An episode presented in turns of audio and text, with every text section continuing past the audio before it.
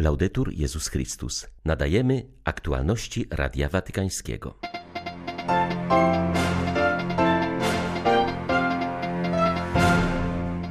Podczas poświęcenia dzwonów Głos Nienarodzonych papież Franciszek wyraził pragnienie wizyty na Ukrainie. Biuro Prasowe Stolicy Apostolskiej poinformowało dziś także o możliwej podróży apostolskiej Ojca Świętego do Kanady. Trwa destabilizacja kraju po poniedziałkowym zamachu stanu w Sudanie. Przewodniczący tamtejszego episkopatu ocenił, że będzie on miał negatywny wpływ na tamtejszą społeczność chrześcijan. Do jutrzejszego spotkania z Ojcem Świętym przygotowuje się ostatnia grupa polskich biskupów, którzy przybyli do Watykanu z wizytą ad limina. 27 października witają Państwa Krzysztof Brąk i Łukasz Sośniak. Zapraszamy na serwis informacyjny. Miłość, pokój i radość to znaki rozpoznawcze obecności Ducha Świętego w nas, powiedział papież podczas audiencji ogólnej. Franciszek zwrócił uwagę, że święty Paweł w liście do Galatów przypomina wspólnocie pierwszych chrześcijan, aby nie opierali swojej religijności jedynie na obrzędach i przestrzeganiu nakazów tradycji. Wskazuje im, że w centrum tajemnicy zbawienia znajduje się krzyż Chrystusa, jego śmierć i zmartwychwstanie. Ojciec Święty zaznaczył, że trzeba wciąż powracać do tego, co najważniejsze, do Boga, który daje życie w Chrystusie ukrzyżowanym, zatrzymując się na adoracji przed Eucharystią, w której Jezus staje się mocą Bożą wlewającą w nas miłość. Zapytajmy siebie, co się dzieje, gdy spotykamy na modlitwie Jezusa ukrzyżowanego. Staje się to, co miało miejsce pod krzyżem. Jezus oddaje ducha, to znaczy obdarza swoim życiem. Duch Święty, który wypływa z paschy Jezusa, jest zasadą życia duchowego. To On przemienia serca, nie nasze uczynki. To On prowadzi Kościół, a my jesteśmy wezwani do posłuszeństwa Jego działaniu, które rozprzestrzenia się tam, gdzie chce i tak, jak chce. Natomiast to przeświadczenie, że Duch Święty stępuje na wszystkich i że Jego łaska działa bez wykluczania, przekonała nawet najbardziej opornych apostołów do tego, że Ewangelia Jezusa jest adresowana do wszystkich, a nie tylko do nielicznych uprzywilejowanych. Franciszek zaznaczył, że Duch Święty wspiera nas także w duchowej walce przeciwko uczynkom ciała. Są to zachowania sprzeczne z duchem Boga, które prowadzą do niezgody, sporów, podziałów, zazdrości, rozłamów, nienawiści. Nauczanie apostoła stanowi również wielkie wyzwanie dla naszych wspólnot, aby nie przytłaczać ludzi przychodzących do kościoła mnóstwem nakazów i przykazań. W rzeczywistości nie da się pojąć piękna wiary w Jezusa Chrystusa na podstawie zbyt wielu przykazań i wizji moralnej, która rozwijając się w wielu nurtach może sprawić, że zapomnimy o owocach pierwotnej miłości, karmionej modlitwą dającą pokój oraz radosnym świadectwem. Podobnie życie Ducha Świętego wyrażające się w sakramentach nie może być przytłumione przez biurokrację, która uniemożliwia dostęp do łaski. Ile razy my sami, księża albo biskupi, zachowujemy się w sposób biurokratyczny przy udzielaniu sakramentów lub podczas przyjmowania ludzi. Ludzie mówią wprost, że im się to nie podoba i odchodzą. Mamy zatem wielką odpowiedzialność, aby głosić Chrystusa ukrzyżowanego i zmartwychwstałego, będąc ożywiani tchnieniem Ducha Świętego, bowiem tylko ta miłość ma moc pociągnąć i przemienić serce człowieka. Franciszek zachęcił zebranych, aby świadczyli o orędziu zbawienia, które głosili jutrzejsi patronowie, święci apostołowie Szymon i Juda Tadeusz, którzy oddali za nie swoje życie. Wśród pielgrzymów obecnych podczas audiencji byli przedstawiciele Fundacji Życiu Tak. Jej cele obejmują szeroko rozumianą ochronę i promocję zdrowia, w szczególności ochronę życia i jego godności od poczęcia do naturalnej śmierci. Do Polaków Ojciec Święty powiedział: Pozdrawiam serdecznie polskich pielgrzymów. Na prośbę Polskiej Fundacji Życiu Tak poświęciłem dzisiaj dzwony noszące tytuł Głos Nienarodzonych, które zostaną przekazane do Ekwadoru i na Ukrainę. Niech będą dla tych narodów i dla wszystkich znakiem mobilizacji do obrony ludzkiego życia od poczęcia do naturalnej śmierci. Niech ich brzmienie głosi światu Ewangelię życia, budzi sumienia i pamięć o nienarodzonych. Polecam Waszej modlitwie każde poczęte dziecko, którego życie jest święte i nienaruszalne. Serca Wam błogosławię. Dzwon życia, jaki wkrótce trafi do Lwowskiego Centrum Duszpasterskiego imienia świętego Jana Pawła II, ma przypominać o prawie do życia dzieci nienarodzonych. Choć na stale znajdować się będzie przy parafii świętego Jana Pawła II w Lwowie, będzie na zaproszenie wraz ze specjalną wystawą podróżować po całej Ukrainie. Umieszczony on będzie na specjalnej przyczepie, która zapewni mu mobilność.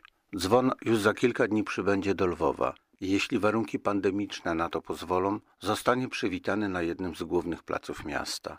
Poświęceniu dzwonów, które dokonało się na placu przed wejściem do auli Pawła VI na Watykanie, towarzyszyła delegacja z Lwowa na czele z księdzem Grzegorzem Drausem, proboszczem parafii świętego Jana Pawła II w Lwowie. Po poświęceniu dzwonów ojciec święty sam osobiście uderzył w dzwon dla Ukrainy oraz pozdrowił pielgrzymów z Lwowa. Na ich słowa czekamy na Ukrainie odpowiedział wybieram się do was.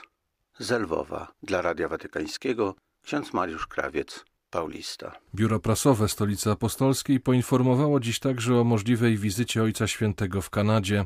Termin podróży apostolskiej nie jest jeszcze znany.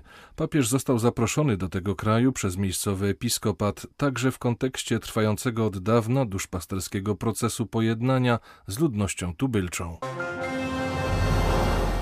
Kolejna grupa polskich biskupów, którzy przybyli do Watykanu z wizytą ad limina, przygotowuje się do spotkania z papieżem. Podczas konferencji prasowej biskup opolski Andrzej Czaja opowiedział m.in. o wizycie w Kongregacji Nauki Wiary, gdzie zwrócono uwagę na wyzwania związane z kryzysem wiary w polskim kościele. Przedmiotem takim głównym e, wymiany myśli e, była kwestia kryzysu wiary, z którym mamy dzisiaj do czynienia na wielu e, poziomach życia Kościoła, życia wiernych w naszych rodzinach, także młodego pokolenia. Ale nie tylko. Pojawiło się też parę takich tematów, jak taki antyintelektualizm, wiara, która nie jest, że tak powiem, w symbiozie z rozumem, sprawia nieraz wiele problemów, bo mamy do czynienia czasem wręcz z taką infantylizacją wtedy wiary. Ona może też prowadzić do takiego widzenia e, bardzo tradycjonalistycznego, że trzeba za wszelką cenę bronić wcześniejszych pozycji, tak bym to określił. E, to się na różne sposoby ujawnia też w niektórych przynajmniej grupach, wspólnotach, niektórych środowiskach. E, mówiliśmy też o tym,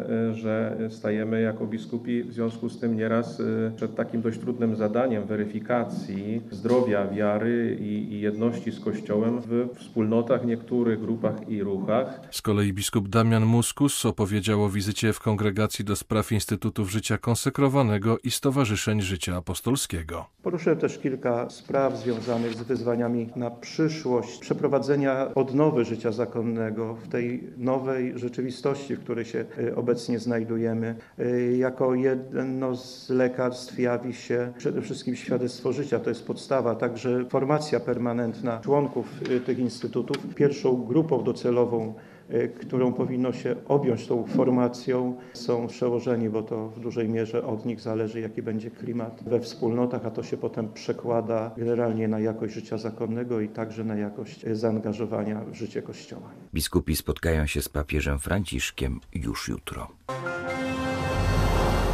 Trwa destabilizacja kraju po poniedziałkowym zamachu stanu w Sudanie. Przewodniczący tamtejszego episkopatu, biskup Yunanandali, ocenił, że chrześcijanie odczują wpływ zamachu stanu bardziej niż inne społeczności, ponieważ często byli lekceważeni w kraju, który w znacznej większości jest państwem islamskim. Ostatnie wydarzenia wskazywały, że przejęcie władzy przez wojsko to tylko kwestia czasu, powiedział hierarcha. Siły wojskowe aresztowały premiera i innych wysokich urzędników rządu. Demonstranci wyszli na ulicę, by protestować przeciwko przejęciu władzy.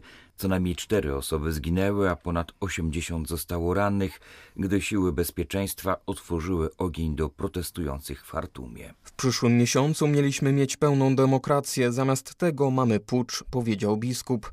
To zepchnięcie kraju na boczny tor z podjętego kierunku demokratycznych rządów nie było niespodziewane, wręcz do przewidzenia, dodał duchowny, powołując się na swoje doświadczenie w kraju i przypominając okres, w którym wojsko rządziło Sudanem przez ponad 60 lat, dopóki powstanie ludowe w 2019 roku nie obaliło wieloletniego autokraty Omara al-Bashira.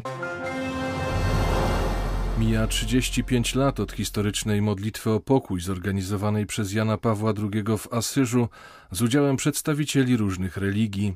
Z tej okazji Międzynarodowa Fundacja Raula Wallenberga nadała Asyżowi tytuł Dom Życia za wkład w ratowanie Żydów podczas II wojny światowej. Po raz pierwszy mamy do czynienia z całym miastem, zorganizowanym w sieć ratunkową, mające swoje centrum w siedzibie miejscowego biskupa, powiedziała Silvia Costantini, wiceprezes fundacji. Wyjątkowo interesującym aspektem jest to, że nie było w tym mieście ani jednego przypadku denuncjacji. Wszyscy mieszkańcy Asyżu zjednoczyli się, aby zapewnić ochronę prześladowanym. Nieprzypadkowo wybraliśmy datę 27 października, by zwrócić uwagę na ten heroizm. Działalność fundacji wpisuje się bowiem w drogę wytyczoną przez Jana Pawła II, którą kontynuujemy również przez modlitwę odbywającą się 27 dnia każdego miesiąca, poświęconą miejscom ogarniętym wojną lub będącym w skrajnych trudnościach ekonomicznych i społecznych. Ta inicjatywa ma przypominać, że każdy człowiek, nawet w najciemniejszym i najtrudniejszym momencie swojej historii, może zdecydować się na czynienie dobra. Kardynał Jean-Claude Hollerich skierował listy do przywódców instytucji europejskich biorących udział w szczycie klimatycznym, który rozpocznie się w najbliższych dniach w Glasgow.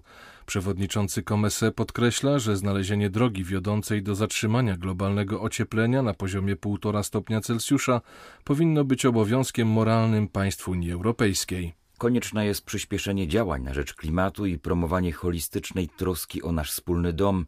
Ziemia woła o ratunek. Wołanie to przybiera formę szybko rosnących temperatur, gwałtownych powodzi i niszczycielskich pożarów, czytamy w liście.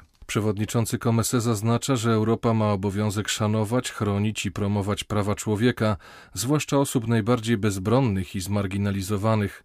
Niezbędne jest także przestrzeganie zobowiązań do poszanowania praw ludności tubylczej i społeczności lokalnych w działaniach na rzecz klimatu i różnorodności biologicznej. W Watykanie rozpoczyna się dziś dochodzenie w sprawie pierwszych wieków Kościoła. Jest to międzynarodowy kongres historyczny, który chce włączyć do chrześcijańskiej historiografii najnowsze odkrycia archeologiczne oraz literackie. Nowością jest wykroczenie poza kraje Morza Śródziemnego i Bliskiego Wschodu. Historycy zajmują się bowiem również ekspansją chrześcijaństwa na Daleki Wschód, do Chin i Indii, gdzie ewangelizację zainicjował święty Tomasz Apostoł. Mówi ojciec Bernard Ardura, przewodniczący papieskiego Komitetu Nauk Historycznych.